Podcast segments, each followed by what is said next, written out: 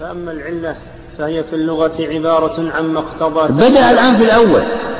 لما قال المظهر للحكم شيئان علة وسبب وبين شرحهم ووضحهم بالمثال وأن الشرح هو, هو الذي نصبهما أراد الآن أن يفرد كل آه، قسم من آه، هذين بكلام معين. فبدأ بالعلة. بدأ بالعلة فقط. فأما العلة فهي في اللغة عبارة عما اقتضى تغييرا ومنه سميت علة المريض لأنها اقتضت تغيير الحال في حقه. أي نعم. يعني بمعنى أن العلة هي التي تغير الحال من شكل إلى شكل آخر أو من وضع إلى وضع آخر. فمثلا هذا الصحيح المعافى. أتته علة وهو المرض غيرت حاله من القوة إلى الضعف. ومن النشاط إلى السقط كذلك هذا هذه العلة التي في هذا المشروب كما قلنا. غيرت حال هذا المشروب من كونه مشروبا مباحا إلى كونه حراما. إذا ظهرت عليه علامات الإسكار. هذا الثوب الذي لبسته. أنت لبست على على أنه مباح. بين لك أنه حرام. تعيد الصلاة التي صليت صليتها فيه كما قال كثير من العلماء. بل قال الإمام أحمد من كان في ثوبه دانق من حرام لا تقبل صلاته. دانق وهو الهللة أو الآن يعادل. فما بالك عن الذين يسرقون من أموال من بيت المال الملايين بل البلايين. نعم. ومنه العلة العقلية وهي عبارة عما يوجب الحكم وهي لذاته. هذه العبارة؟ ومنه العلة أيوة. العقلية نعم. وهي عبارة عما يوجب الحكم لذاته. كالكسر مع الانكسار والتسويد مع السواد. نعم. هنا سيفرق بين العلة الشرعية والعلة العقلية. العلة العقلية هي التي يدركها أي عاقل سواء كان عالم أو غير عالم. وهي أن هذا هذا الإناء انكسر لعلة الانكسار لكونه جاهز الانكسار انكسر. وأن هذا الجدار قد سقط لكونه مائلا فيما سبق وهكذا. هذه علة تسمى إيه؟ علة عقلية. وأن هذا الغيم أمطر لأنه كان غيم آه، أسود. وهكذا. هذه تسمى علة عقلية يعني يعرفها, يعرفها ويدركها يعقل. لكن العلة الشرعية لا لا يعرفها إلا المجتهد نعم فاستعار الفقهاء لفظ العلة من هذا واستعملوه في ثلاثة أشياء. أعد العبارة واحدة فاستعار الفقهاء لفظ العلة من هذا. نعم. واستعملوه في ثلاثة أشياء. أين نعم. استعار الفقهاء آه اسم العلة أو آه هذا الاسم وإلا الشارع. بينها ووضحها لكن لم يسميها علة هو الشارع. وإنما الذي سماها هم الفقهاء. أخذا من العلة العقلية. أخذا من العقلية أو العلة اللغوية. فالعلة اللغوية هي التي تغير الأمر من حال إلى حال آخر. فلذلك استعار الفقهاء من هذا العلة الشرعية وسموها بهذا الاسم. وإلا الشرع ما سماها علة. نعم. طبعا المصطلحات الأصولية أو النحوية أو أي علم من كذلك الفقهية هي ثبتت بعد القرن قرن الصحابة ومن بعدهم. لما اختلط العجم بالعرب خشوا أو خشي كثير من العلماء أن تختلط عليهم معرفة التفريق بين المصطلحات فبينوا هذه الأمور. وشروط كل شيء. فلذلك وضعوا النحو ووضعوا شروط تقديم أو تقديم خبر كان على اسمها إلى آخره وإلا كان العرب يعرفون هذا بدون هذه هذه الكتب. في المصنفات سواء في أصول الفقه أو في غيرها آه، وضعت لئلا يلتبس على الذين أتوا من بعدهم الأمر. نعم. واستعملوه في ثلاثة أشياء. أحدها بإزاء ما يوجب الحكم لا محالة. نعم. فعلى هذا لا فرق بين المقتضي والشرط وال والشرط والمحل. نعم. وال هم الآن جعلوها إزاء ثلاثة أمور. الأول العلة القطعية وهي المقصودة بكلمة لا محالة. العلة القطعية يعني التي لا يختلف فيها اثنان لا يختلف فيها اثنان وهي العلل التي وجدت في أركان الإسلام. والعلل التي توجد أحيانا في المحل في محل الشيء التي تراها محسوسة يعني تحس فيه أنت ترى أن هذا الشيء بارد.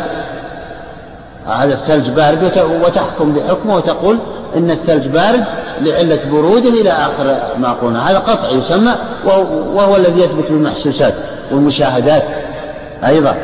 نعم. فعلى هذا لا فرق بين المقتضي والشرط والمحل والأهل. نعم. بل العلة المجموع والأهل والمحل وصفان من أوصافهما أخذا من العلة العقلية. هذا يبين أن العلة طبعا كما قلنا آه، أحيانا تكون قطعية يدركها كل آه، عاقل سواء كان عالم أو غير عالم. هذا يشترك فيها الخلق. يلا يا شيخ نمشي والثاني أطلقوه بإزاء المقتضي للحكم وإن نعم. تخلف الحكم لفوات شرط أو وجود مانع. أي نعم. هذا أيضا خاص في القياس. يعني بمعنى أن العلة أطلقت بإزاء ما يثبت الحكم وأحيانا يتخلف الحكم عن العلة لسبب من الأسباب. فمثلا تجب الزكاة تجب الزكاة على من بلغ عنده النصاب من بلغ ماله النصاب. أحيانا يبلغ النصاب عند شخص ولكن لا تجب الزكاة عليه. لماذا؟ لوجود مانع وهو الدين مثلا. لوجود مانع وهو أن عليه دين. فالشخص إذا بلغ النصاب عنده بلغ المال النصاب آه وعليه دين وحال عليه الحول أيضا فلا تجب. كذلك أحيانا يدخل الوقت ويصلي الإنسان. لكن لا تصح صلاته لأنه تخلف شرط وهو الطهارة. أحيانا بالعكس يصلي يتطهر ويصلي ولكن لا تصح صلاته لأنه صلى قبل دخول الوقت. وهكذا لم يتوفر السبب وهكذا. فليس معنى أن أن العلة ينظر إليها فقط بهذا التعريف ولا ينظر إلى ما يعترضها أو يختلط بها أو يمنعها أو يمنع اضطرادها إلى آخر الكلام. فلذلك قال العلماء إن أنصاف المتعلمين أضر على الإسلام من الجهل لأنهم ينظرون إلى بعض الأمور دون البعض الآخر حتى أنهم قالوا كأنه آه، يستدل بقوله تعالى فويل للمصلين. ويترك ما بعده. أو أو يستدل بأي شيء أو يستدل بقوله تعالى متاعا إلى الحول غير إخراج. ولا يعلم أن هذه الآية منسوخة أو تلك مرتبطة بغيرها أو هذه الآية قد نسخ حديث أو أو أو أو قد قيدها أو خصصها حديث آخر أو آية أخرى. لذلك لا يجوز لأي إنسان مهما كان أن يستدل بالكتاب والسنة إلا إذا عرف تعارض الأدلة ودقق في ذلك. والآن بعض الحمقاء من طلبة العلم يقولون عندنا الكتاب والسنة ماذا نريد غيرهم؟ هذا لا يجوز شرعا هذا. هذا يضر الإسلام. قد يستدل بحديث لكن هذا الحديث ضعيف ضعفه العلم وهو لم يطلع عليه.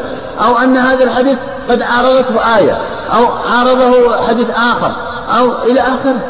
فلا بد من معرفة الأدلة أولا ثم ترتيبها ثم كيف يفك التعارض التعارض ثم كيف يجمع بين الأدلة.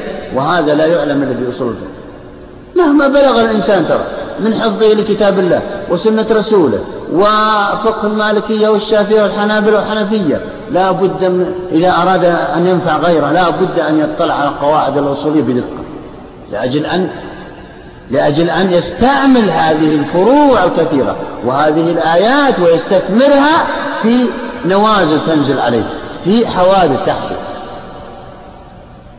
فلذلك مثل هذا الموضوع مثلا يقول آه، ليس معنى أن توفرت العلة أنه لابد أن يتوفر الحكم. لا. لذلك عرفوا السبب لأنه ما يلزم من وجوده الوجود ويلزم من عدمه العدم لذاته. قالوا لماذا قالوا لذاته كما سيأتينا؟ هذا التعريف هو حكم السبب لذات السبب لكن لو نظرنا إلى غيره لما صح هذا التعريف. فمثلا يلزم من دخول الوقت وهو السبب وجوب الصلاة.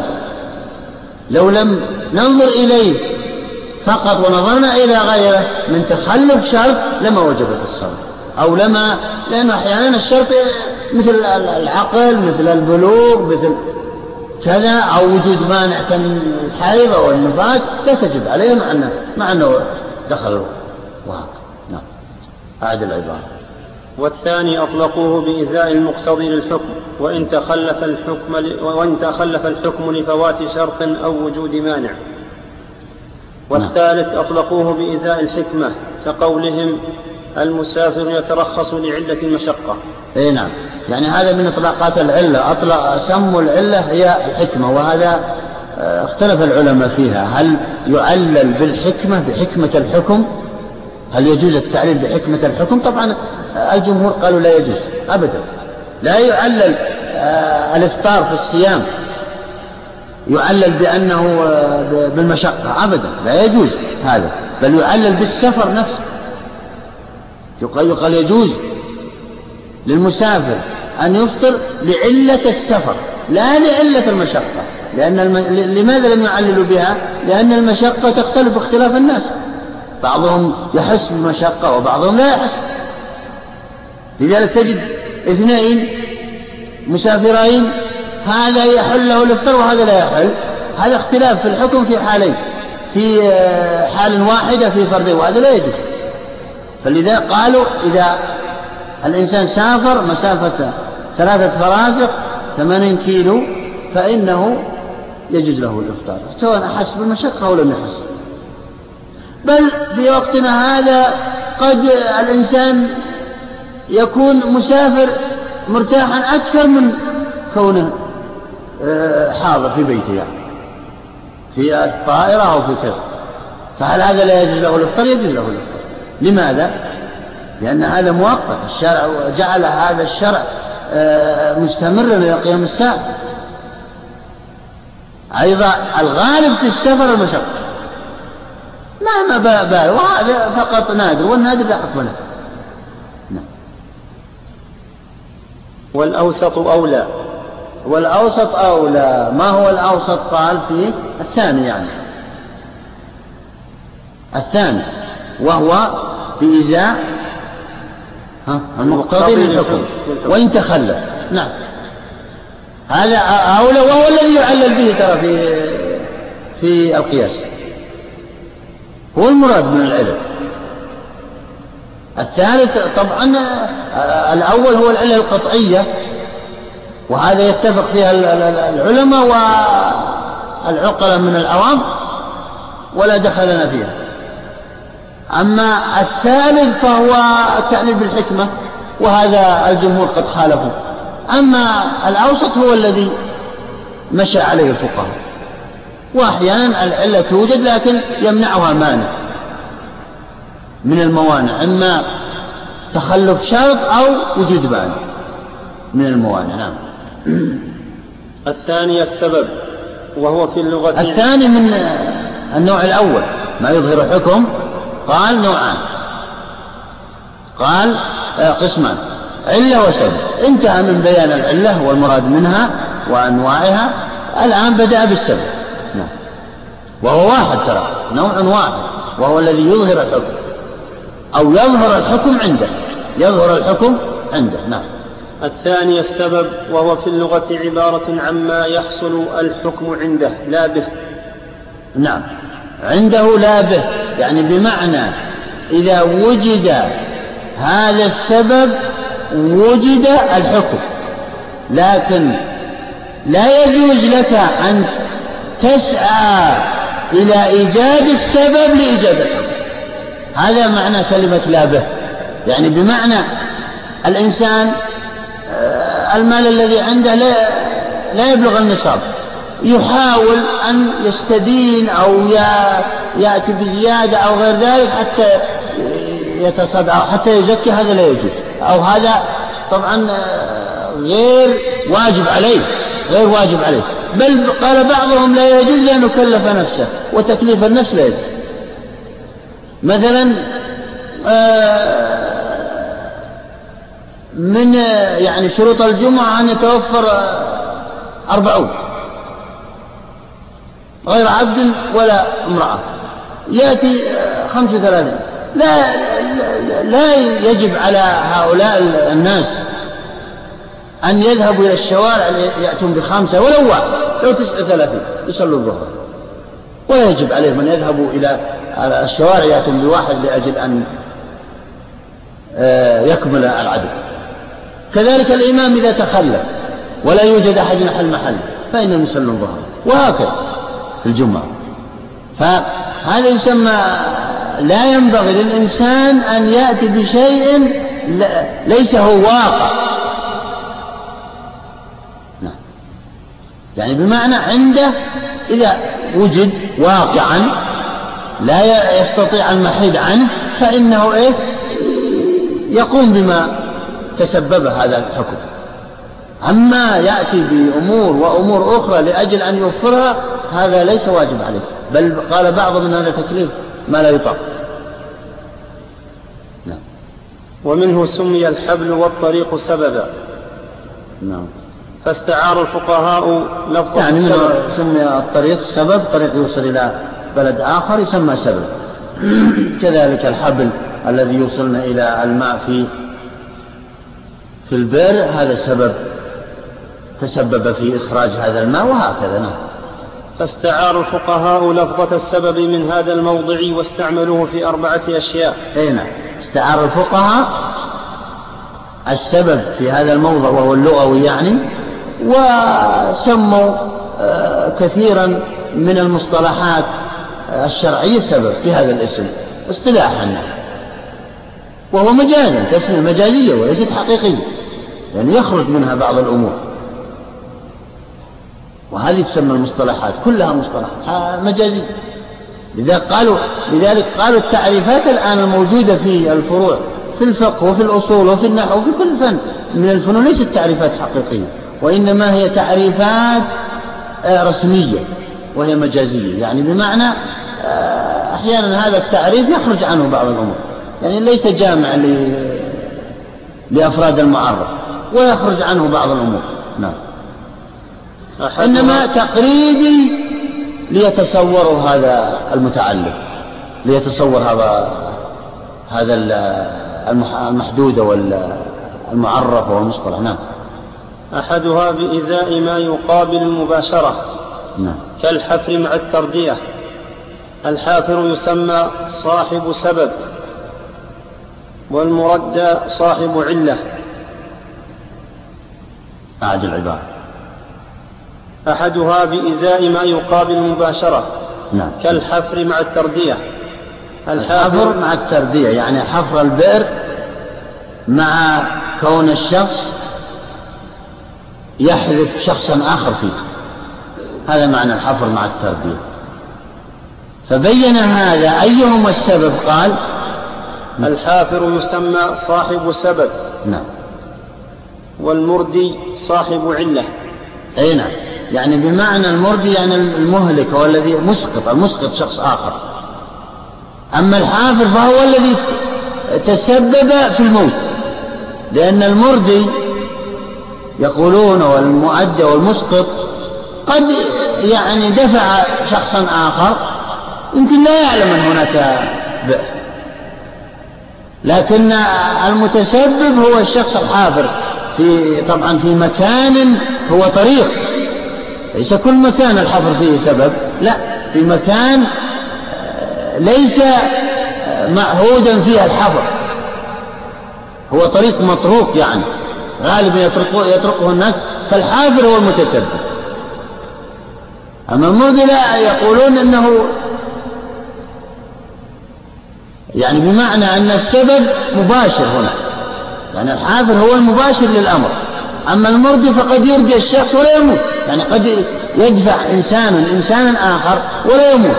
لكن لما كانت حفرة مات. هذا هذا إطلاق. والثاني بإزاء علة العلة كالرمي يسمى سببا. آه، سمى هذا علة وهو أن المرضي هو هو المعلق أو هو صاحب العلة. لماذا؟ إذا فرق بين السبب هنا وبين العلم. يعني بمعنى أن الحافر هو قطعا تسبب في موته لكن العلة غالبة على الظن أنه يموت ولكن يوجد شخص يدفع ولا يموت. فالسبب هنا قطعي نعم. الثاني والثاني بإزاء علة العلة. كالرمي نعم. يسمى سببا. كايه عاد العبارة. والثاني والثاني بإزاء علة العلة. نعم. كالرمي يسمى سببا. كالرمي؟ هذا يسمى علة العلة. يعني ليس هو علة بذاته ولكنه علة العلة. رمي رميت إنسانا آخر. أنت لا تقصده. ولكن رميت صيدا فكان هذا الإنسان في الطريق في طريق الرمي هذا فمات. هذا لا يسمى علة ولكنه علة العلة يعني بمعنى غير مقصود. العلة هي المقصودة يقولون غالبا. نعم. والثالث بإزاء العلة بدون شرطها. كالنصاب بدون الحول. أي نعم. يعني بمعنى أن العلة تطلق على السبب إذا إذا لم يتوفر المسبب بسبب آه، عدم شرط أو وجود مانع. عدم شرط أو وجود مانع. مثل مثلا بلوغ النصاب بلغ المال النصاب عندك لكن لا تجب عليك الزكاة لأنه لم يحل عليها الحول. فتخلف هذا السبب هذا يسمى علم ولا سبب. هذا طبعا إطلاقات آه، أكثرها غير صحيح ولكن هو يريد أن يبين لكم ما الفقهاء يطلقون العلة على هذه الأمور فقط تجاوزا واستعارة. لكن العلة المعروفة هي المعروفة بالقياس. وهي التي بسببها حقنا الفرع بالأصل. نعم. كمل كمل ترى الوقت؟ والرابع بإزاء العلة نفسها وإنما سميت سببا وهي موجبة لأنها لم تكن موجبة لعينها. بعد العبارة. والرابع؟ والرابع بإزاء العلة نفسها. نعم. وإنما سميت سببا وهي موجبة لأنها لم تكن موجبة لعينها. بل بجعل الشرع لها موجبة فأشبهت ما يحصل الحكم عنده لا به. أي نعم. هذا الرابع هو المقصود عند الفقهاء وهو أنها موجبة للحكم بمعنى أنه إذا وجدت العلة وجد الحكم وإذا انعدمت العلة انعدم الحكم. ويسمى دوران هذا. فمثلا إذا وجد هذا المشروب. إذا وجدت علة الإسكار فيه محرم. إذا انعدمت يكون مباح. فمثلا هذا المشروب تشربه ولا مانع من شربه فإذا وجد فيه ازبداد و آه، ظهور رائحة معروفة عند الفقهاء تسكر أو وجود آه، ازبداد وانتفاخ وصوت كما وصفوه امتنع عنه معناه أنه لا آه، أنه لا يجوز شربه فإذا زالت هذه العلامات يجوز شربه ثانية وهكذا هذا معنى كلامه هنا. بمعنى أن الشارع هو الذي جعلها علة في هذا. طبعا ثبتت من استقراء وتتبع كلام الفقهاء استقراء وتتبع ما جاء من الشريعة فجعلوها علة نعم. وصلى الله على نبينا محمد وعلى آله وصحبه أجمعين.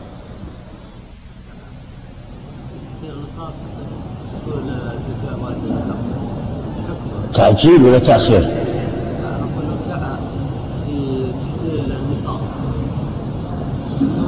هذا يجوز لا لا مانع لكن لم يكلفه الله به. وإلا لا مانع أن الإنسان لكن تعجيل الزكاة يسمى هذا. الرسول قد أباح للعباس تعجيل الزكاة. ها؟ ها؟ أيوة. هو هذا نفس الكلام. أيوة. هذا كلف على نفسه ما لا يطيق. الله. يعني أوجه العبادات كثيرة. فلا داعي لتكليفه لتكليف نفسه ما لا يطاق. ما له داعي هذا. فيه أوجه عبادات كثيرة يستطيع يفعلها بدون هذا الفعل. نعم. بسم الله والحمد لله والصلاة والسلام على رسول الله. نبدأ من حيث وقفنا. نعم. بسم الله الرحمن الرحيم. الحمد لله رب العالمين والصلاة والسلام على رسول الله وعلى آله وأصحابه أجمعين. اللهم اغفر لنا ولشيخنا وللحاضرين برحمتك يا أرحم الراحمين. قال الإمام ابن قدامة رحمه الله تعالى في كتابه الروضة فصل ومما يعتبر للحكم الشرط وهو نعم. آه هذا من أنواع الحكم الوضعي سبق السبب والفرق بينه وبين العلة وقلنا إن السبب هو ما يلزم من وجوده الوجود ويلزم من عدمه العدم لذاته مثل بلوغ النصاب يلزم من وجوده وجوب الزكاة ويلزم من عدمه عدم وجوب الزكاة لذاته قالوا لذاته لماذا؟ لأنها لأنها ننظر إلى ذات السبب لا ننظر إلى غيره. فمثلا لو وجد السبب وهو بلوغ النصاب ولكن لم يوجد شرط يعني نظرنا إلى غير غيره الشرط فإنه لا يجب الزكاة. بمعنى أنه بلغ المال النصاب ولكن لم يحل عليه الحول. أو نظرنا إلى وجود مانع مثل أن عليه دين بلغ النصاب بلغ المال النصاب وحال عليه الحول ولكن عليه دين. هذا الدين منع من وجوب الزكاة وهكذا. إذا دخل الوقت على المرأة فإنه يجب يجب عليها أو تجب عليها الصلاة. بمعنى توفر السبب ووجد المكلف ولكن وجد الحيض. الحيض مانع من هذا الوجوب. فلذلك قالوا لذاته لذات السبب. أما إن نظرنا إلى غيره من وجود من عدم شرط أو وجود مانع فإن التعريف لا يصلح. هذا السبب. وفرقنا بين السبب والعلة. العلة نوع من أنواع السبب لأن السبب أعم ترى. كما قلنا فيما سبق.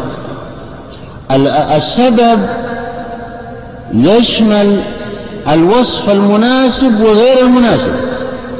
يعني الوصف الذي عقلنا معناه والوصف الذي لم نعقل معناه.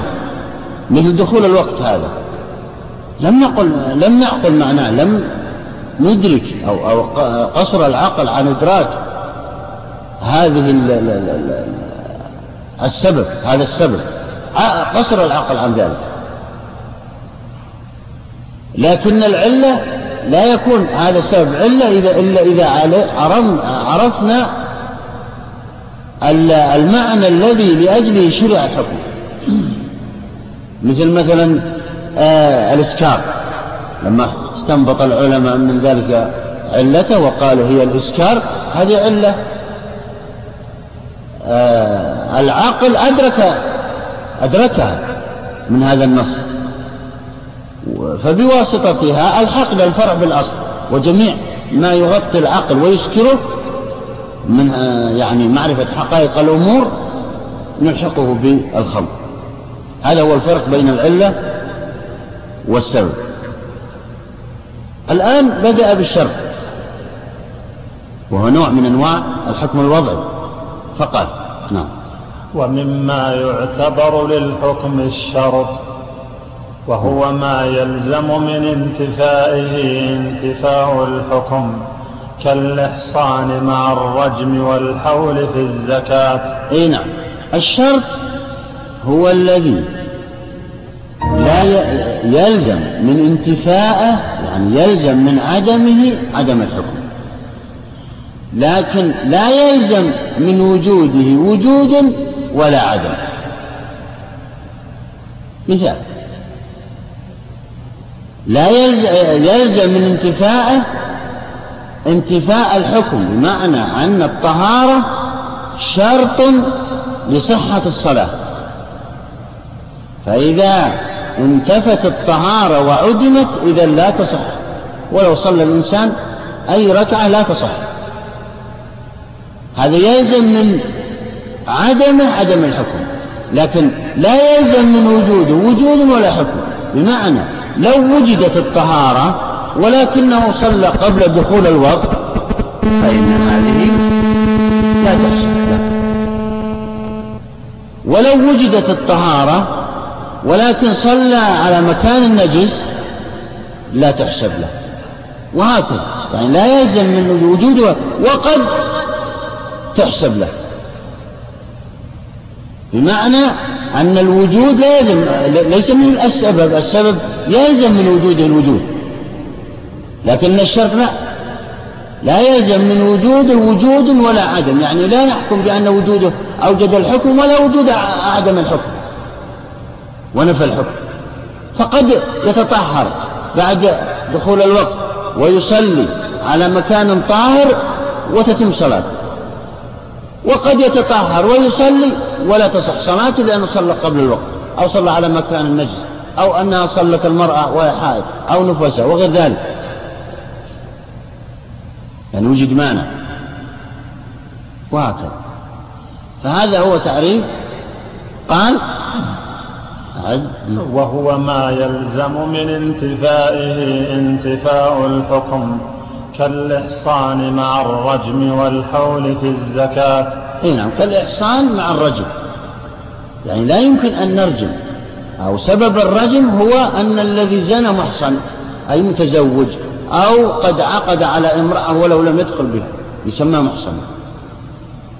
فهنا سبب هذه العقوبة وهي الرجم الإحصان. فإن وجدت وجد الإحصان آه نرجمه. طبعا قد قد لا نرجمه لأي عارض من العوارض. كجنون كقصر آه كسفة غير ذلك من الأمور. كذلك الحول في الزكاة. إذا حال الحول فإنه تجب, تجب الزكاة. وقد لا تجب لأنه قد يحول الحول على مال لم يبلغ النصاب. وهكذا. نعم. الشرط ما لا يوجد المشروط مع عدمه ولا يلزم نعم. ما لا يوجد المشروط مع عدمه. وهو الذي قلناه يلزم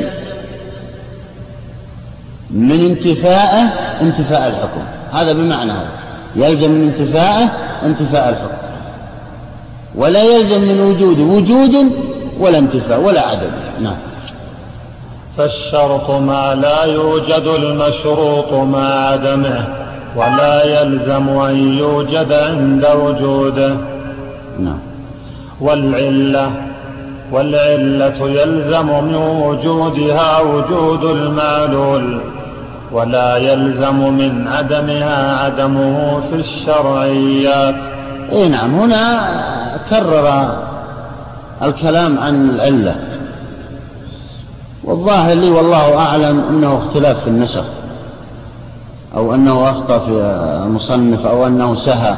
هو يريد أن يذكر المانع لأنه لم يذكر إلا جزءا بسيطا عنه. والعلة ذكرها فيما سبق. فالعلة يلزم من وجودها وجود الحكم كالسبب. وقال كالشرعيات هنا لأن الشارع هو الذي نصب هذا الشيء علة كما قلنا فيما سبق. إذ لولا لما كان الإسكار علة لتحريم الخمر. لأن الشارع هو الذي نصبه وقال أن الإسكار أو ذكر أو غلب على ظن المجتهد أن الإسكار هو سبب تحريم الخمر. لذلك حرموا كل شيء يسكر العقل عن حقائق الأمور ولا يجعل يدرك شيء. فحرموا جميع المسكرات أو المسكرات. قالوا لماذا سمي مسكر؟ لأنه قالوا يسكر ويغلق مثل تسكير الباب.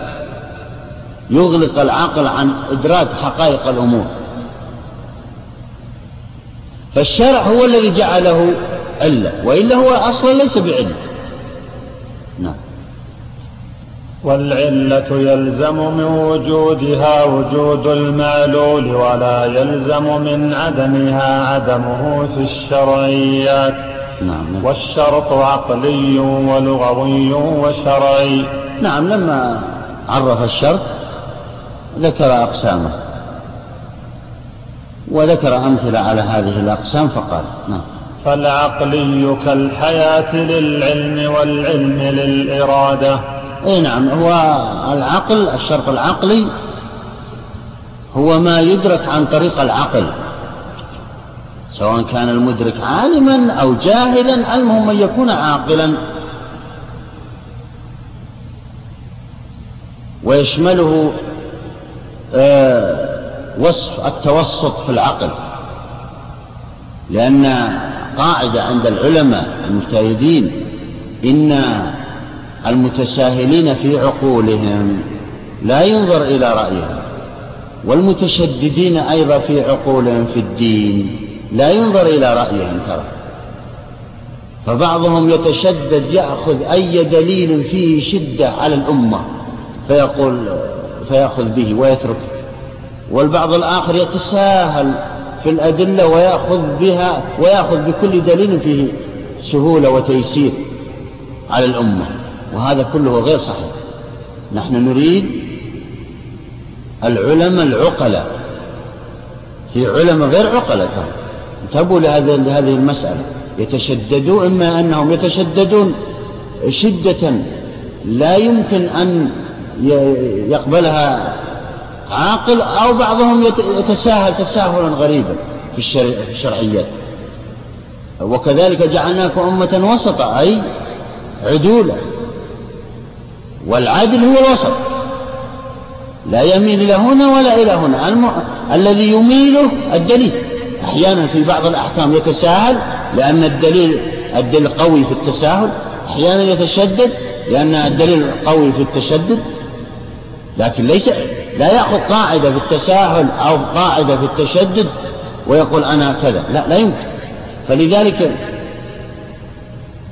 الشرط العقلي هو الذي يدركه المتوسطون من عقلاء الناس.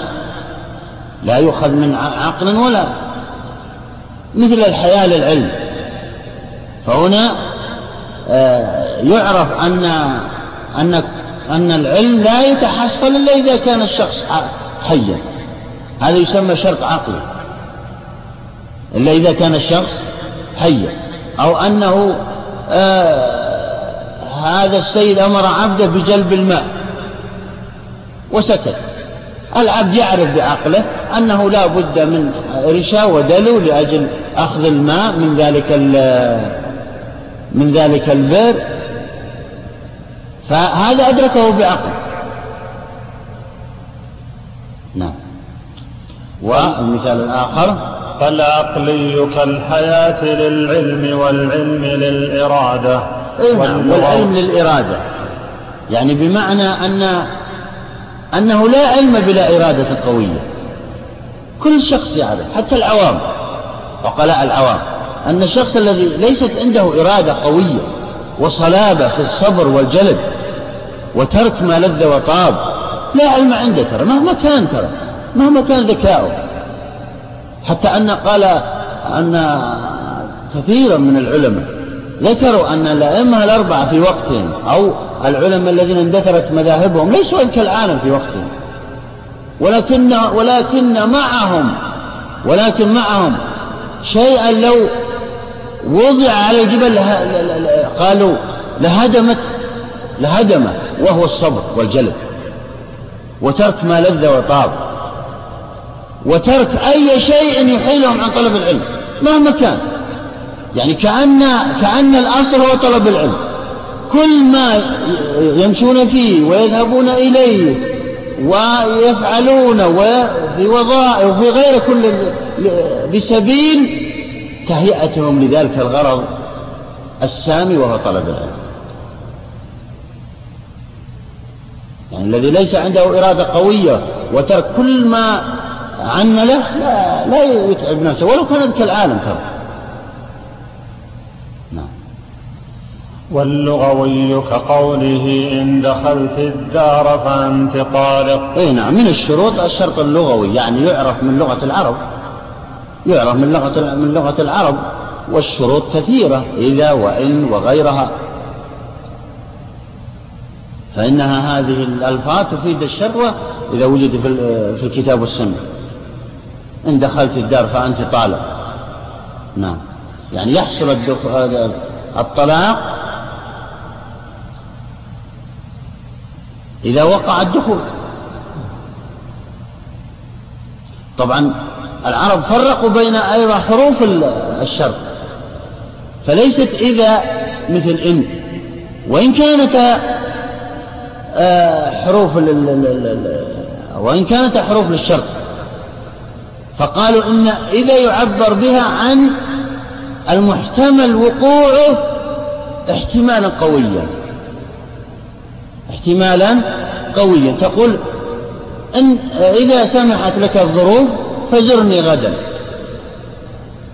أنت تعلم أنه يعني احتمالا قويا أنه سيأتي. لكن لا تقول هذا بإن إذا كنت تعلم أن عنده احتمال قوي أنه سيأتي. إن يقال أنها تعبر بها عن الشيء البعيد جدا. لذلك الشارع تجدونه يعبر بها عن الأشياء التي لا يمكن أن تقع من البشر إن استطاعوا. فالفروق بين هذه الحروف هي هي واجبة على المجتهد أن يعلمها.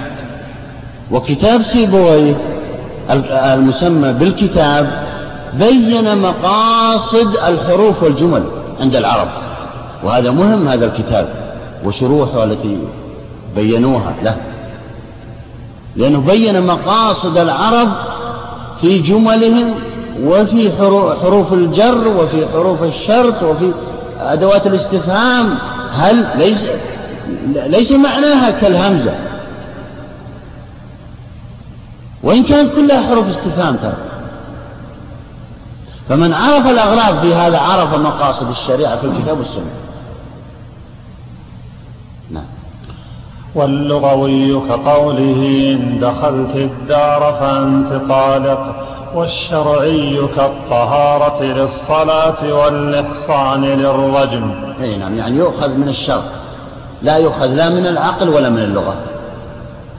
فاشترط الإحصان للرجل وهكذا. والطهارة للصلاة. هذه أمور لم يعلمها العرب قبل أبدا ولم تكن في خاطرهم. أن المحصن يرجم وأن غير المحصن يجلد المئة ويغرب هذا لم يعلمها العرب. فلذلك الشرع هو الذي جعلها شروطا. نعم. وسم أما أما الشرط العقلي والشرط اللغوي فقد عرفها العرب وعلموها. وعرفوا أن هذا شرط عقلي وهذا شرط لغوي. العقلي هو الذي يفهم بالمعنى.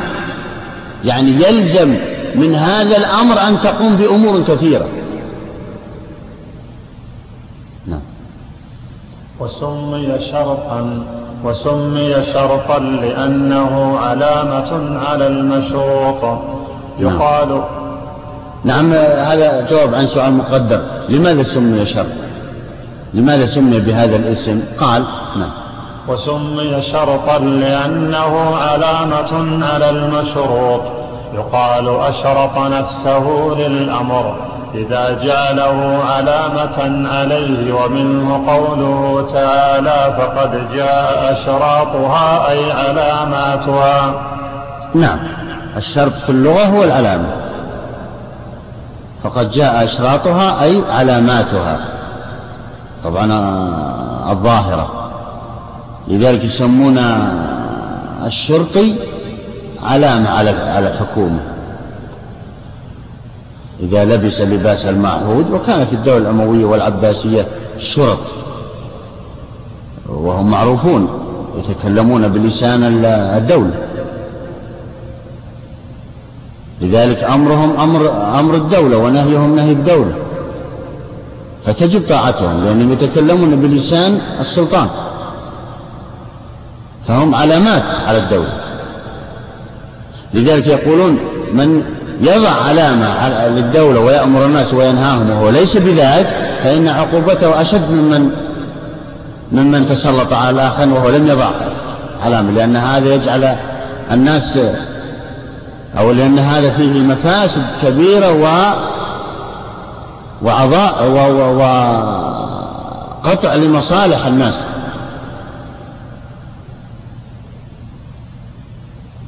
لذلك تجدون ابن عقيل في وقته يقول اختلط علينا في هذا الزمان نص في الواضح. في هذا الزمان شرط الدولة وشرط ومن يضع نفسه موضع هذا. فيأتي ويهجم على البلدان النائية والبيوت النائية ويأخذ ما يأخذ بأمر السلطان يزعم أنه هذا بأمر السلطان. وهكذا نعم.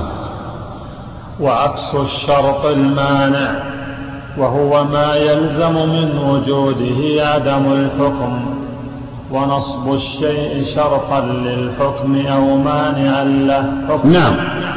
عكس الشرط المانع وهو عرفوه بقولهم ما يلزم من وجوده عدم الحكم.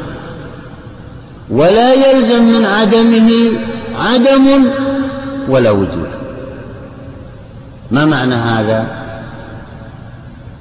ألا الدين إذا وجد يلزم من وجوده عدم وجوب الزكاة.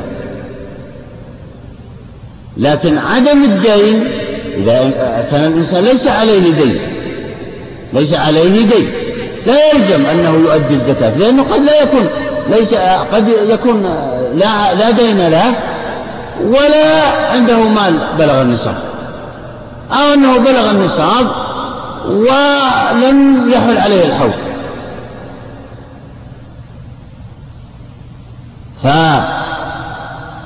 فالمانع هو عكس الشرط. تماما نعم وعكس الشرط المانع وهو ما يلزم من وجوده عدم الحكم.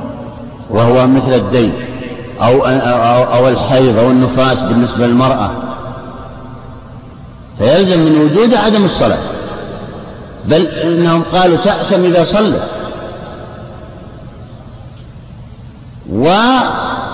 ويلزم وعكس الشرط المانع وهو ما يلزم من وجوده عدم الحكم ونصب الشيء شرطا نعم. آه لذلك هذه الثلاثة السبب والشرط والمانع بعضهم لا بعض الأصوليين وبعض العلماء لا يأتون بها هكذا وإنما هم يدخلونها آه، تحت باب الاستدلال بالتلازم يسمى. وهو دليل آه، يضيفونه إلى الأدلة آه، المقطوع بها. الاستدلال بالتلازم وهي الأدلة العقلية هذه تسمى. يعني كأنهم يقولون يلزم من وجود كذا وجود كذا ويلزم من عدمه عدم كذا وهكذا. بعضهم لا يذكر هذه الثلاثة كنص. مثل المصنف الذي نقلها عن الغزالي الحنفية لا يذكرونها يذكرونها الاستدلال بالتلازم يسمى عندهم.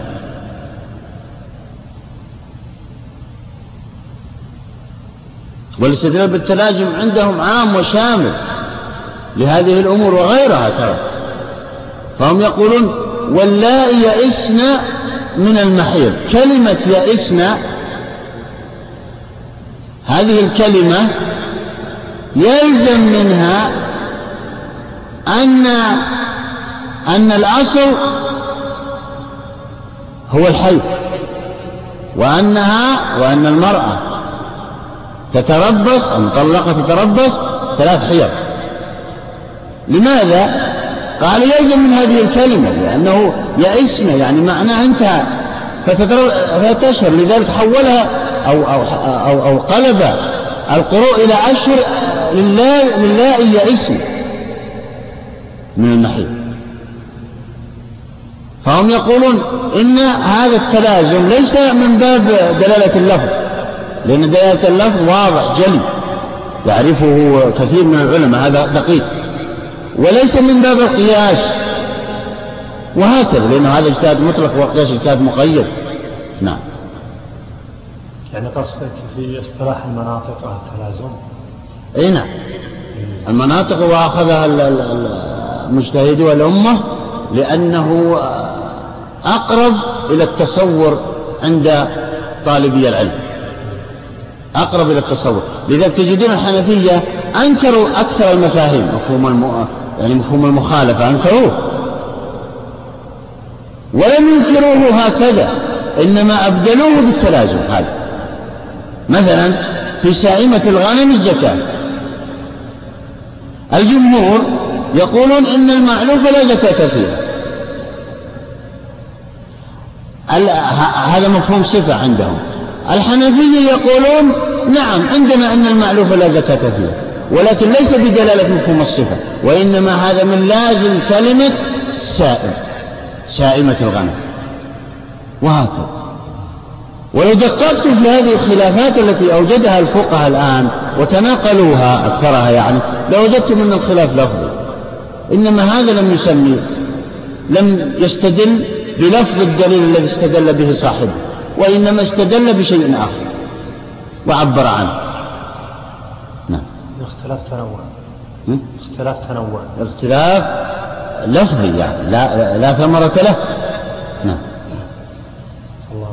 وعكس الشرط المانع وهو ما يلزم من وجوده عدم الحكم ونصب الشيء شرطا للحكم أو مانعا له حكم شرعي على ما قررناه أي نعم. يعني يقصد من هذا أن أن جعل السبب سببا وجعل المانع مانعا وجعل الشرط شرطان هذا من الشارع ما له دخل بالعقول ولا اللغة. يعني العارف المدقق اللغوي لا يدري أن هذا والذي لم يتعلم الشرع لا يعلم أن الحيض مانع أو الدين مانع أو غير ذلك. هذا ثبت في أدلة آه، شرعية. كذلك الأسباب والشروط. لذلك تجدون أن الأصوليين وهم فقهاء الأمة يعني إذا أطلقنا الأصوليين معنى فقهاء الأمة. توصلوا إلى قواعد في اللغة العربية لم يتوصل إليها أهل اللغة أنفسهم. لماذا؟ لأنهم جمعوا بين معرفتهم للشريعة ومعرفتهم للغة. فاستنبطوا قواعد لا توجد في اللغة العربية. الآن تجدون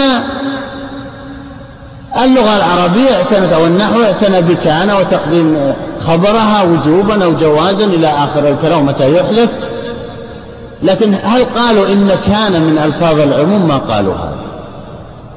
الأوامر والنواهي هذا مجزوم وهذا كذا. ولكن هل قالوا أن الأمر يقتضي الوجوب أو يقتضي الندب أو أنه يقتضي التكرار أو لا أو يقتضي الفور أو غير ذلك؟ أبدا.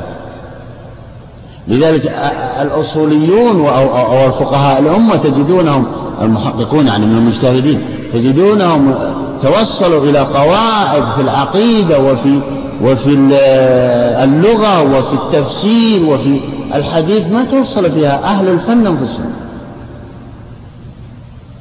نعم.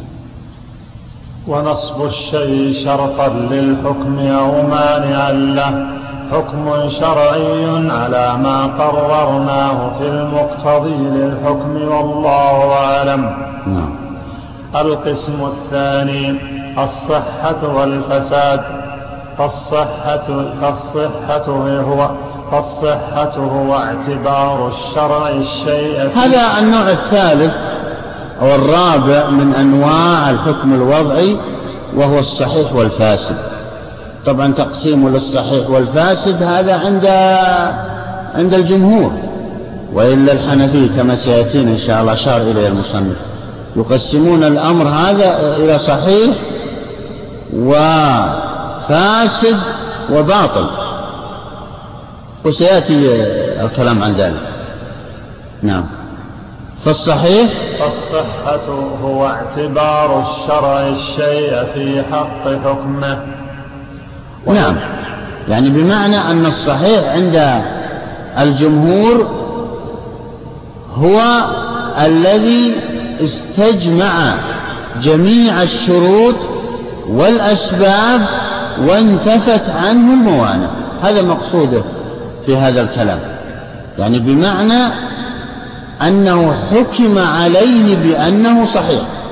أي شيء يحكم عليه بأنه صحيح هو الذي استجمع الأسباب والشروط وانتفت عنه الموانع. لذلك تجدون بحث المصنف تبع للغزالي وهو ما قد تبع إمام الحرمين في ذلك وأصلهم من أبي بكر الباقلاني شيخ إمام الحرمين. كل هذا ذكره ونقل هنا آه تجدون ذكروا الصحيح بعد هذه الثلاثة لأن هذه الثلاثة الأسباب والشروط الموانع هي أصل الصحة والفساد. إذ لولاها ما صار هناك صحة ولا فساد. أما الفاسد فهو السبب الذي لم يتوفر فيه شرط أو الشرط الذي تخلف سببه أو السبب يعني حكمه أو الشرط والسبب الذي وجد فيه مانع وهكذا. لذلك تعريف قالوا تعريف. الصحيح والفاسد معتمد على تعريف التعريف الثلاثة السابقة للأسباب والشروط والمعاناة. فالصحة هو اعتبار الشرع الشيء في حق حكمه نعم. ويطلق على العبادات مرة وعلى العقود أخرى. أي نعم. هناك صحيح في العبادات وهناك صحيح في المعاملات. سيأتي تفصيلها. نعم. فالصحيح من العبادات ما أجزأ وأسقط القضاء. نعم. الصحيح ما أجزأ وأسقط القضاء. يعني بمعنى إذا عملت عبادة مستجمعة لجميع الأسباب ولجميع الشروط وانتفت جميع الموانع فهذا آه، يجزئ أيضا يجب أن يتوفر فيه شرط آخر أن يسقط القضاء أن يسقط القضاء. فهذا المستجمع لهذه الأمور والمنتفع عنه الموانع هذا هو الذي يجزئ ويسقط القضاء. أما المتكلمون وهم بعض بعض العلماء طبعا هو المصنف كلمة المتكلمين هذه يطلقها على الجمهور. والحقيقة أنا أخيرا اكتشفت أن المتكلمين طائفة منهم وليس هم كلهم يعني من الحنفية ومن الفقهاء المقصود بهم الحنفية ترى عند والمتكلم المقصود بهم الجمهور من الحنابلة والشافعية والمالكية. والحقيقة أن أن أخيرا تبين لي أن أن المقصود بالمتكلمين طائفة من هؤلاء الجمهور وليسوا كل الجمهور. أما المتكلمون فيقولون إن الصحيح من العبادات هو. فالصحيح من العبادات ما أجزى وأسقط القضاء. هذا هذا كلام الفقهاء. نعم. والمتكلمون يطلقونه بإيزاء ما وافق الأمر وإن وجب القضاء. أي نعم.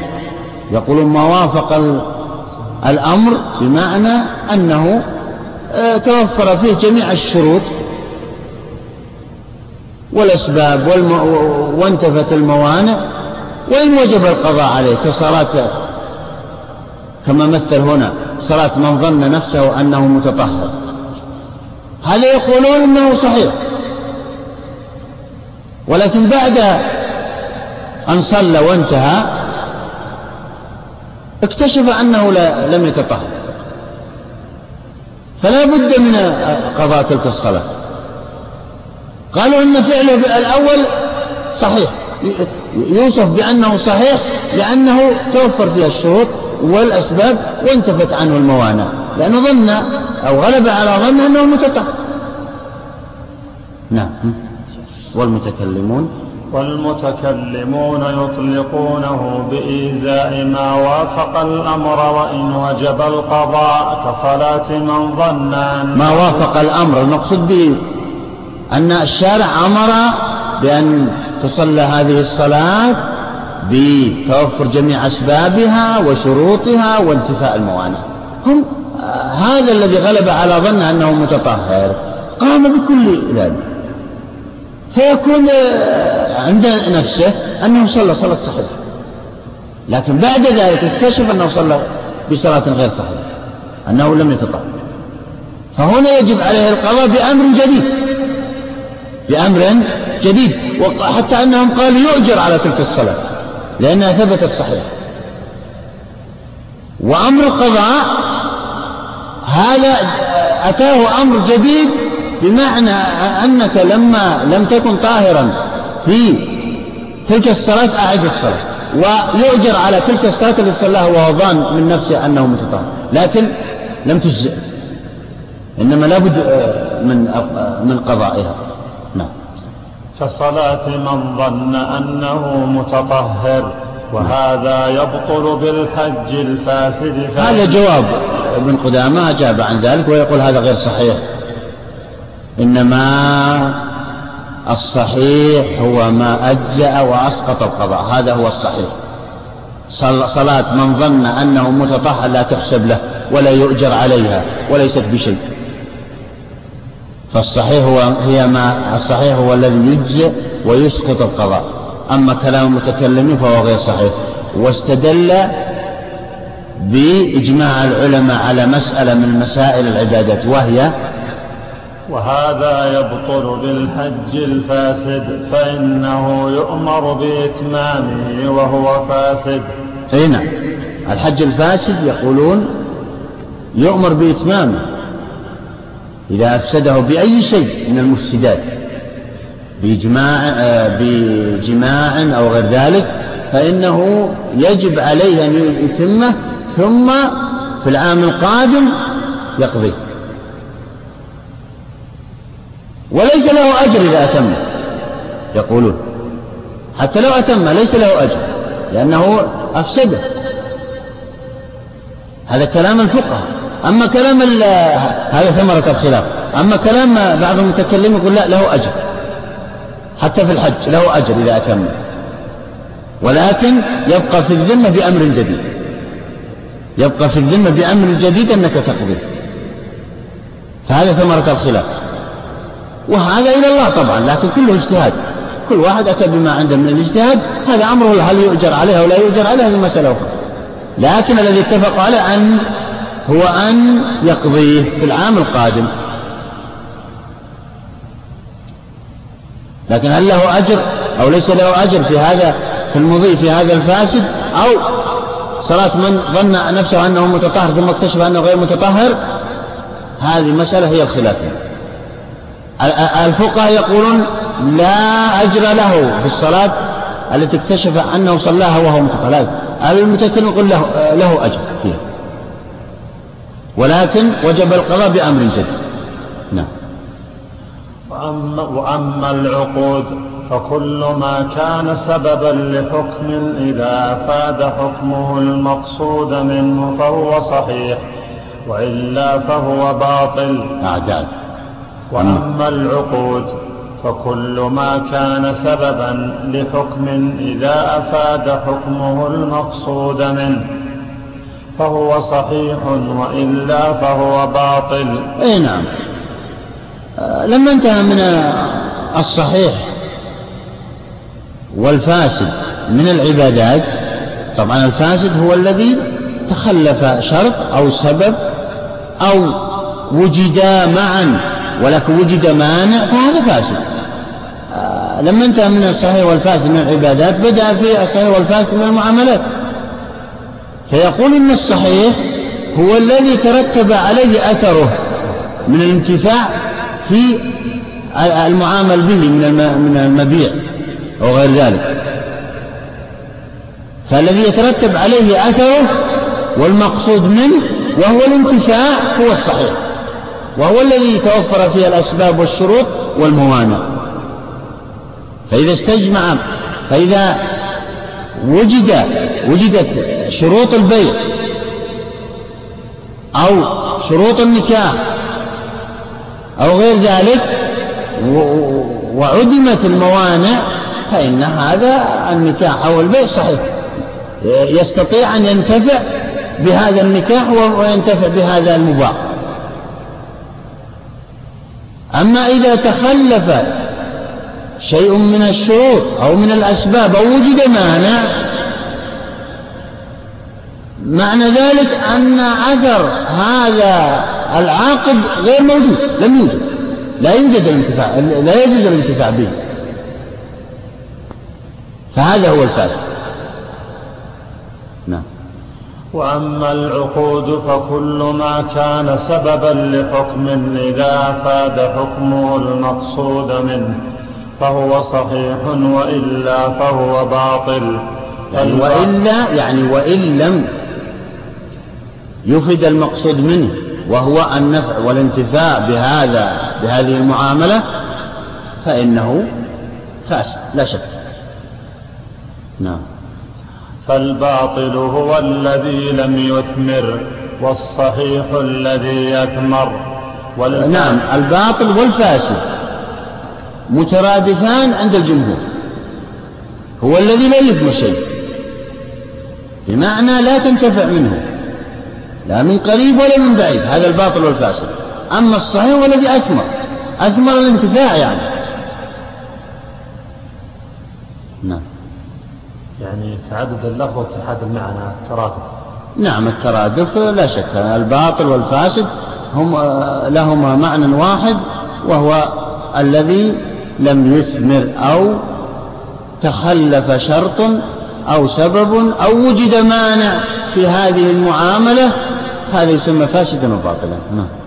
والفاسد مرادف الباطل فهما اسما لمسمى واحد. وأبو حنيفة أثبت قسما بين الباطل والصحيح. جعل الفاسد عبارة عنه نعم. أبو حنيفة والحنفية كلهم قسموا الصحيح والفاسد من المعاملات إلى ثلاثة أقسام. صحيح وفاسد وباطل. أما الصحيح فهو الذي شرع بأصله ووصفه. هذا الصحيح. بمعنى آه، مثالها المكلف إذا باع أو اشترى. وقد توفر جميع الشروط والأسباب وانتفت الموانع فهذا صحيح فهذا صحيح عندهم. عندهم وعند طبعا الجمهور. أما الباطل فهو عكس الصحيح. هو الذي لم يشرع لا بأصله ولا بوصفه عندهم. مثل بيع الصغير والمجنون أو شراءهما فهذا باطل بيعهما وشراءهما أو نكاحهما أو غير ذلك من الأمور. لأنه لم يشرع أصلا.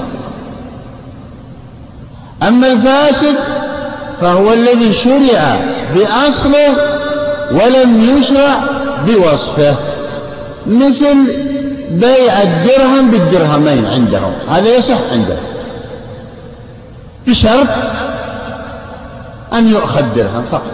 يعني بمعنى هذا البيع صحيح يقولون توفرت فيه الأسباب والشروط وانتفت الموانع لكن بشرط أن ينزع أن تنزع الزيادة ويصح البيع.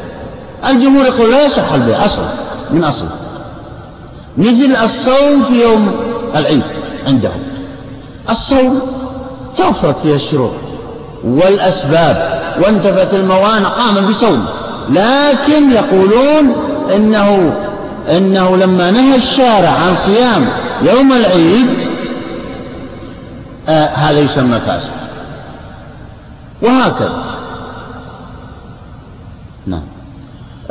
طبعا هذا خلاف لفظ كما سيشير إليه المصنف. قال وأبو حنيفة أثبت قسما بين الباطل والصحيح جعل الفاسد عبارة عنه وزعم أنه عبارة عما كان مشروعا بأصله غير مشروع بوصفه.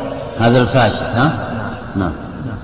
ولو صح له هذا المعنى لم ينازع في العبارة لكنه لا يصح إذ كل ممنوع بوصفه فهو ممنوع بأصله. نعم. هم يقولون لا فرق الجمهور لا فرق بيننا بين الممنوع بأصله أو بوصفه. الحنفية يقول لا عندنا فرق. والجمهور يزعمون أن الخلاف لفظي لا الحنفية يقولون بأن الخلاف معنوي ترى. انتبهوا ولو دققتم في كلام الحنفية لوجدتموه فيه وجاهة. يعني بمعنى فصلوا تفصيلا دقيقا. مثل عدم تفريقهم كما سبق بين الفرض والواجب. عدم تفريق الجمهور بين الفرض والواجب. بينما الحنفية يفرقون بينهما وهو الصحيح. أنه في فرق بينهما لا من حيث اللغة ولا من حيث الشرع لا من حيث استقراء كلام أهل اللغة ولا من حيث استقراء كلام أهل الشرع يوجد فرق. فالفرض لا يسقط لا سهوا ولا عمدا وهو الركن الذي يعبر عنه بالركن. أما الواجب فإنه لا يسقط فإنه يجبر ب بأي شيء. الواجب حتى الواجبات في الحج يجبر يجبر بدم أو نحو من ذلك. كذلك الواجب في الصلاة يجبر بسجود السهو. فالحنفية لو دققتم في كلامهم لوجدتم أنهم أدق في هذا الأمر. هم متفقون على أن الصيام يوم العيد آه، لا يجوز ولا يحسب للإنسان لا شك. لكن هم يريدون بهذا المعاملات الدقيقة التي تحصل بين العباد. لا نقول أن بيعك الدرهم بالدرهمين حرام. كل ما في الأمر أنك تأخذ الدرهم الزايد منه وانتهى الأمر. حتى أنهم تكلموا في هذه المسألة وقالوا أن فيها مفسدة. إذا أبطلنا البيع وقد بيع في لمدة. إنما كل ما في الأمر أن نلحقه ونأخذ الزيادة. ويصح البيع. لأن البيع تم بشروط ومواصفات وأسباب وعدم موانع آه وجدت لا داعي لهذا إنما نأخذ الزيادة ويتم نعم. وأبو حنيفة أثبت قسما بين الباطل والصحيح جعل الفاسد عبارة عنه وزعم أنه عبارة عما كان مشروعا بأصله غير مشروع بوصفه ولو صح له هذا المعنى لم ينازع في العبارة لكنه لا يصح إذ كل ممنوع بوصفه فهو ممنوع بأصله. يعني يقصد من هذا أن أن هذا المعنى وهذا التقسيم يعني لو نظرنا إليه نظرة يعني أن الخلاف معنوي لفظي ما أن نازعنا. هذه عبارة وهو حر فيها. لكن أصلا لا يقول لا نعترف بأن بأن هناك فرق بين المشروع بأصله وبوصفه. لا فرق بينهما عندنا يقول. وهو فرق بينهما. ثم قوله زعم ترى ليست لائقة بالعلماء لا يجوز أن يقول زعم لأن زعم ترى آه، من العبارات التي فيها رد لاذع واحتقار للقائل. عندنا آه، نقل كلام الآخرين وكلام العلماء آه، له ألفاظ. إذا قلت مثلا قال فلان إذا رأيت كتابا يقول قال فلان معناه أنه جزم في النقل. وصح هذا النقل وهو وجيه عند الناقل. أما إذا قيل قيل فإن الناقل يضعف هذا القول. لو لم يضعفه هو قيل تضعيف وتمريض أما إذا قيل حكي إذا قيل حكي عن فلان أنه يقول كذا هذا معناه أنه ضعيف. هذا القول. ضعيف ويستغرب هذا الناقل أنه يحكى عن فلان هذا الكلام. مثل ابن قدامة لما قال حكي عن الإمام مالك أنه يجوز قتل الثلث لاستصلاح الثلثين. في المصلحة المرسلة نص على هذا؟ يعني يستغرب أن الإمام مالك يقول مثل هذا الكلام. مع أنه نقل يستغرب يستبعد يعني هذا القول. أما زعم أو زعم فهذا نقل وتضعيف للقول. ورد اللاذع وتحقير للقائل مع أنه ما شيء. فالعبارات عند المصنفين وعند وعند الباحثين ينبغي أن تنتقى لئلا يكون فيها تجريح لأحد. نعم. فصل فصل في القضاء والأداء والإعادة. الإعادة فعل الشيء مرة أخرى. والأداء فعله في وقته والقضاء فعله بعد خروج وقته المعين شرعا. أي نعم هذا ذكر أيضا وهو معتمد على الأسباب والشروط والموانع وهو من أنواع الحكم الوضعي وبعضهم لا يذكر هذه الأنواع الثلاثة الأداء والإعادة والقضاء لأنها تدخل في الشروط والموانع حيث إنها إذا توفرت آه، الأسباب والشروط وانتفت الموانع فيسمى أداء. وهكذا. آه، ولا يجب القضاء إلا إذا آه، وجد مانع أو انتفى بعض انتفت بعض الشروط أو بعض الأسباب. يجب القضاء وهكذا. لكن المصنف تبع بذلك كما قلنا الغزالي وذكرها الآمدي وغيره. فالأداء هو فعل الشيء في وقته المحدد له شرعا. فالصلاة حدد لها وقتا كذا من إلى. فهو إذا صلى في هذا الوقت وتوفرت آه، عنده الأسباب والشروط وانتفت الموانع فيسمى فعله أداء. سواء صلى في أول الوقت أو في وسطه أو في آخره كما قلنا في الواجب الموسع هنا. فإنه يسمى أداء وله أجر الأداء. لاحظ ترى أجر الأداء أعظم كثيرا من أجر الإعادة والقضاء. فلذلك له ثمرة هذا التقسيم. فالإنسان يحرص على الوقت. أما تقديم الصلاة في أول وقتها فهذا أتى من خارج أتى دليله من خارج. لم يكن في إيجاب الصلاة ولم يدخل في وجوب الصلاة. إنما هذا من خارج لما سأل لما سأل رجل النبي صلى الله عليه وسلم ما أفضل الأعمال قال الصلاة في أول وقتها إلى آخره. وفي رواية غير. فيؤجر إذا صلى في أول الوقت أجر نافلة. يعني زيادة على أجر الواجب. أما صلاة في أول الوقت وفي وسطه وفي آخرها هذا لا يختلف فيها الأجر أجر الواجب والفرض أجر الواجب والفرض. لكن إذا صلى إذا قدمها في أول الوقت فإنه يؤجر أجر استحباب وند لذلك قالوا ودليل هذا أنه يؤجر أجر ندب أن الشخص العادم للماء ودخل عليه الوقت. وهو يغلب على ظنه أنه سيجد ماء في آخر الوقت. ما الذي يفعله؟ يؤخر يترك الأفضلية ويترك الندب ويؤخر الصلاة إلى آخر الوقت. بل, بل قال بعضهم يجب أن يؤخر الصلاة إلى آخر لأجل أن يصليها بماء بوضوء. لماذا؟ قالوا لأنه إذا تعارض أول الوقت صلاة في أول وقت بتيمم وهو البدل مع الصلاة في آخر الوقت بمبدل وهو الماء فإنه يقدم ذاك لأنه يخص نفس الصلاة. أما أما الصلاة في أول يخص وقت الصلاة ففرق بينهم. ففرق بينهم. فالذي يخص نفس الصلاة هذا يقدمه الإنسان مهما كان.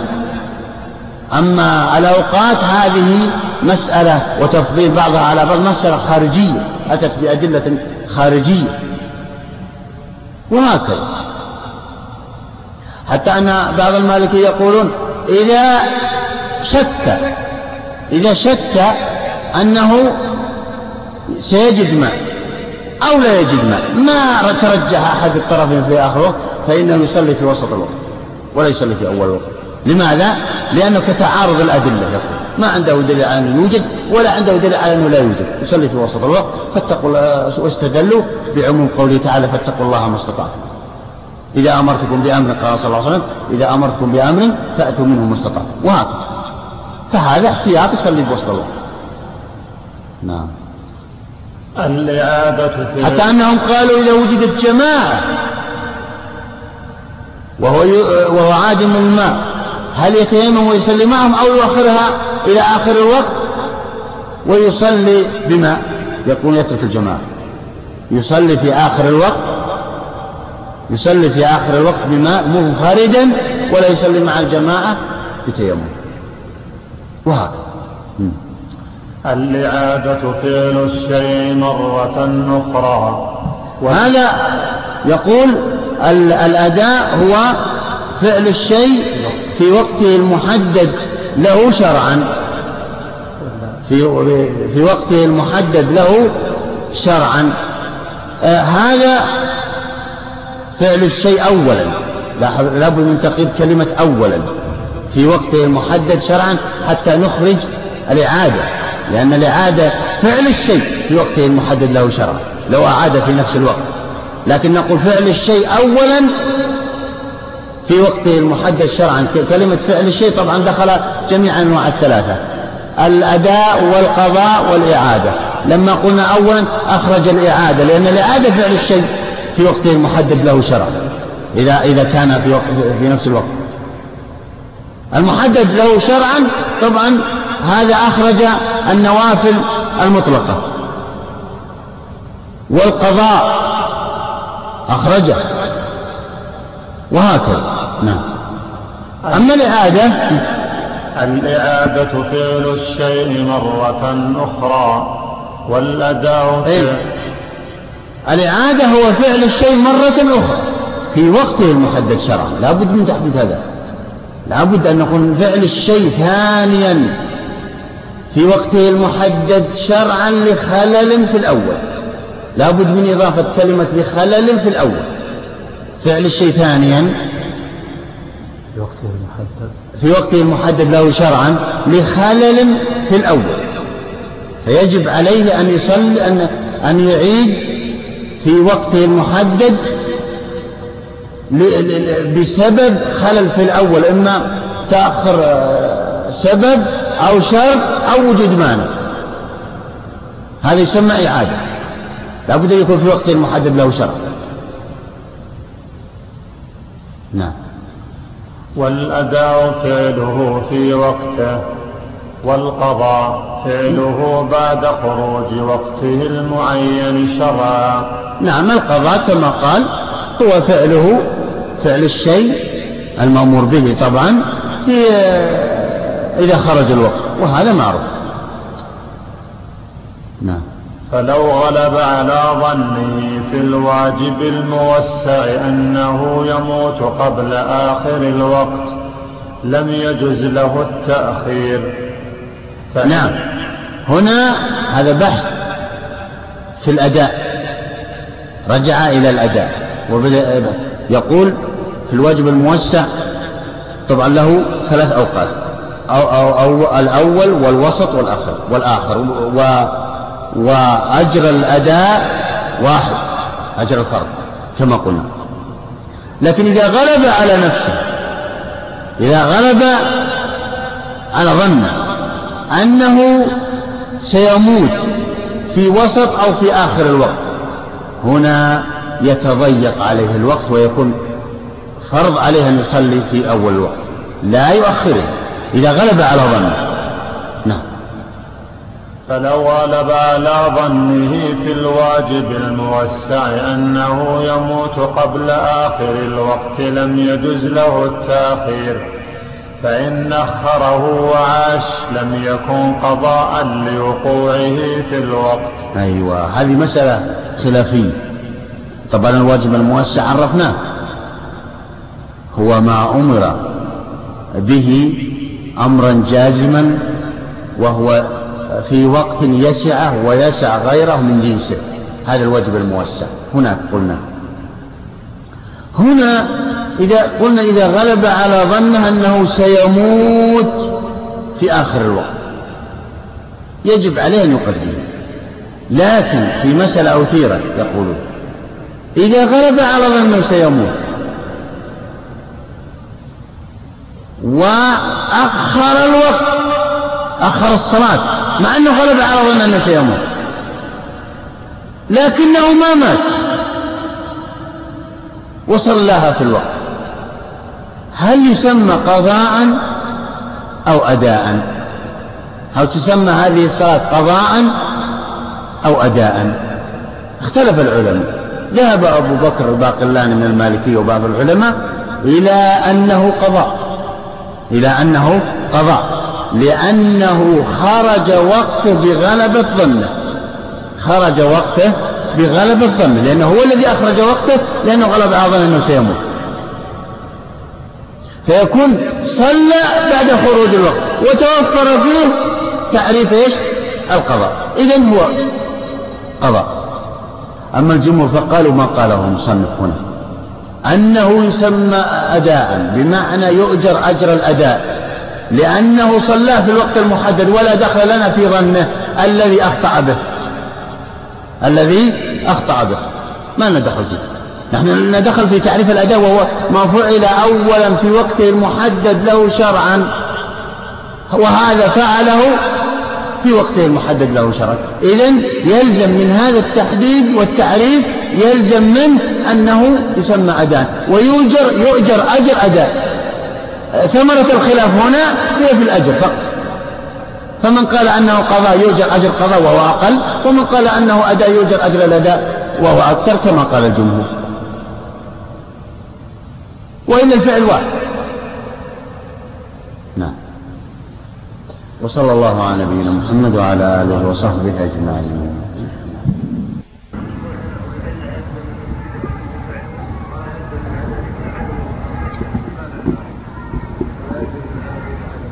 في الشرعيات يعني لأن